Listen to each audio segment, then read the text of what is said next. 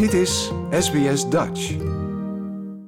Het is vandaag de derde woensdag van de maand. Gisteren was het dus de derde dinsdag van september. En dat betekent dat in Nederland de jaarlijkse troonrede werd voorgelezen door koning Willem-Alexander. Politici en andere vooraanstaanden kwamen in Den Haag bijeen om de begrotingsplannen van het demissionaire kabinet aan te horen. Naast kroonprinses Amalia was ook haar inmiddels 18-jarige zusje Alexia voor het eerst bij de troonrede aanwezig. Traditiegetrouw waren veel Oranje-fans al vroeg op de been om een goed plekje te bemachtigen in de hoop een glimp op te kunnen vangen van de koninklijke familie. De NOS sprak met enkele van hen. Ik denk tien voor half zeven. En waarom dan zo vroeg al? Ja, we willen, dat we willen de vlag uh, gehesen zien worden. En we willen alles meemaken. Dus dan moet je er ook vroeg bij zijn. Hoe laat uh, was u hier deze ochtend? Ongeveer kwart voor zes. Waarom zo vroeg al? Ja, dat is, ik weet, het is helemaal niet nodig. Maar ik, ik, heb, de, ik heb de rust niet. Of de, ik heb onrust dat ik denk, ik moet er naartoe. En dan ben ik ook, het is de dood dat er al iemand op mijn plek zit. Waar kijkt u het meest naar uit vandaag? Um, Prinses Alexia. Ik bedoel, uh, die is er voor het eerst bij. Uh, hoe ziet ze eruit? Wat, wat doet ze? Hoe zwaait ze? Hoe, uh, ja. Waar kijkt u het meest naar uit op deze Prinsjesdag? Ja, toch wel het, het ceremonieel van de monarchie wat we hier hebben. Op zo'n dag als vandaag, de dag bij uitstek, dat we daarvan kunnen genieten. Dus, Ja, we gaan hier blijven staan tot de balkonscène. en da daarna gaan we gewoon lekker de stad in, Den Haag in. Ja, deze toeschouwers hadden dus een mooi plekje uitgekozen. En van daaruit zagen ze hoe de Gouden Koets met koning Willem-Alexander en koningin Maxima vertrok richting de Koninklijke Schouwburg in Den Haag. En dus niet naar de Ridderzaal waar de troonrede gebruikelijk plaatsvindt. Dat is omdat het Binnenhof nog steeds wordt gerenoveerd. In de Schouwburg las de koning de 19 minuten durende troonrede voor. Wij hebben enkele belangrijke punten uit die troonrede 2023 voor u op een rijtje gezet met dank aan de NOS. De koning begon met een persoonlijke noot. Leden van de Staten-Generaal. Tien jaar geleden mocht ik voor het eerst in uw midden de troonrede uitspreken. Tien jaar waarop ik dankbaar terugkijk. Sommige gebeurtenissen waren indringend en rauw van verdriet. Zoals de aanslag op vlucht MH17. Op andere momenten ging emotie hand in hand met heling en verbondenheid. Zoals dit jaar op 1 juli tijdens de herdenking van de afschaffing van de slavernij. Natuurlijk denk ik aan de coronaperiode, die zo diep ingreep in ieders persoonlijke leven. En uiteraard denk ik aan de oorlog in Oekraïne. Het zijn dit soort momenten en gebeurtenissen die voor altijd deel uit zullen maken van onze geschiedenis en die in uw en mijn geheugen staan gegrift. Wie van buiten naar de Nederlandse samenleving kijkt, ziet op het eerste gezicht een aantrekkelijk land met goede voorzieningen en een sterke economie, ingebed in krachtige internationale structuren die beschermen en welvaart brengen. Maar achter dat positieve beeld gaat de permanente opdracht schuil om te blijven werken aan kansengelijkheid, bestaanszekerheid perspectief. Voor lang niet iedereen zijn een fatsoenlijk huis, een goede gezondheid en een veilige thuissituatie vanzelfsprekend. Niet elk kind krijgt dezelfde kans op een goede toekomst. En niet iedere inwoner van ons land voelt zich gehoord en gezien. Er is nog altijd discriminatie en racistische uitsluiting in de samenleving. Ook daarom blijft de verwerking van het slavernijverleden, juist na dit herdenkingsjaar in het hele Koninkrijk, hoog op de agenda staan. U mag erop rekenen dat het kabinet bereid is te doen wat in het dansbelang is. Uiteraard in goed overleg en nauwe samenwerking en afstemming met u. Dat betekent in de eerste plaats dat het kabinet ongeveer 2 miljard euro aan koopkrachtmaatregelen neemt, zodat de armoede niet toeneemt. Om te voorkomen dat gezinnen met de laagste inkomens in 2024 achterblijven in koopkracht, gaat de huurtoeslag omhoog.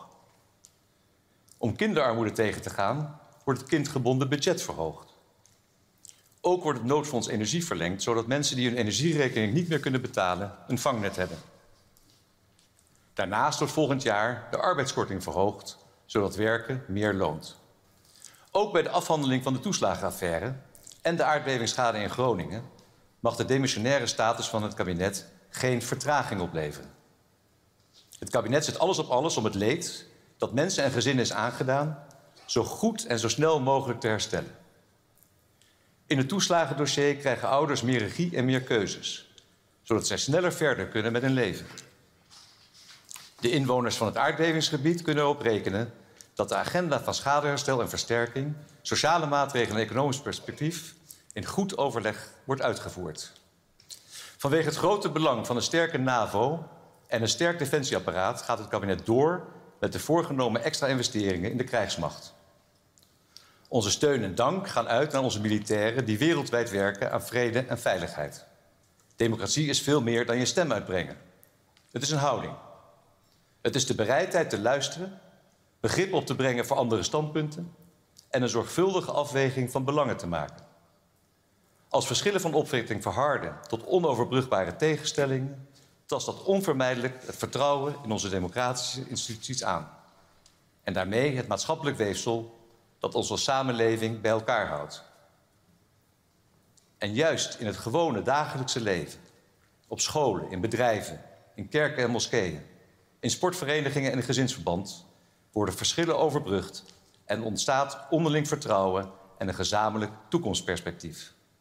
Kansengelijkheid, bestaanszekerheid en perspectief bieden aan mensen vormen de kern van de ambitie waarmee dit kabinet aan de slag is gegaan. Een zeker bestaan met gelijke kansen valt of staat met goed onderwijs.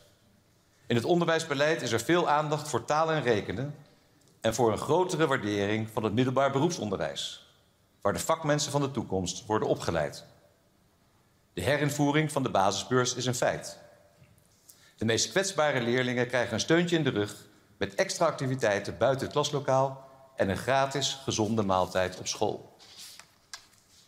Het kabinet blijft inzetten op de aanpak van het lerarentekort. Onder andere door regionaal de samenwerking tussen scholen, lerarenopleidingen en gemeenten te bevorderen.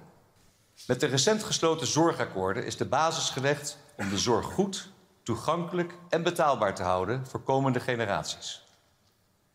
Hiermee worden curatieve zorg en langdurige zorg beter met elkaar verbonden. Met bijzondere aandacht voor meer regionale samenwerking voor huisartsen, wijkverpleging, ziekenhuizen, gemeenten en andere partijen. Voor ouderen werkt het kabinet aan meer zelfstandige woonvoorzieningen en goede zorg dichtbij. Leven de koning! Hoera! Hoera! Hoera! Ja, en als u die driewerf hoera hoort, dan weet u wel dat de troonrede daarmee ten einde is gekomen. En voordat ik verder ga, even iets herstellen. Ik zei natuurlijk de gouden koets, maar dat is al een paar jaar lang niet meer. De koning rijdt nu in de glazen koets. Ja, na de troonrede ging demissionair minister van Financiën Sigrid Kaag naar de Tweede Kamer om daar de miljoenennota aan te bieden. Een paar concrete cijfers uit die begroting. De gemiddelde Nederlander gaat er volgend jaar 1,8% op vooruit. Ondanks dat zijn ze volgend jaar naar verwachting wel 143 euro meer kwijt aan hun zorgverzekering. Verkeersboetes gaan met 10% omhoog. Het demissionaire kabinet wil de accijns op benzine per 1 januari met 21 cent verhogen. Rokers en drinkers gaan ook meer betalen. De accijns op alcohol gaat met 16% omhoog, wat een prijsverhoging van 1 à 2 cent per glas oplevert. En een pakje sigaretten kost nu zo'n 9 euro. Dat gaat omhoog naar 10,70 euro. En een pakje check van 50 gram gaat ruim 24 euro kosten. Voor Defensie is volgend jaar 21,4 miljard euro beschikbaar gemaakt. De uitgaven voor jeugdzorg stijgen naar 1,45 miljard euro. En volgend jaar gaat er 55,9 miljoen euro naar het Koninklijk Huis. Dat is 11% meer dan vorig jaar. Vandaag volgen de algemene politieke beschouwingen in de Tweede Kamer. En dan zal er nog lang nagepraat worden over de begroting. U kunt de troonrede in zijn geheel terugkijken op onze website www.sbs.com.au Dutch. Like, deel, geef je reactie.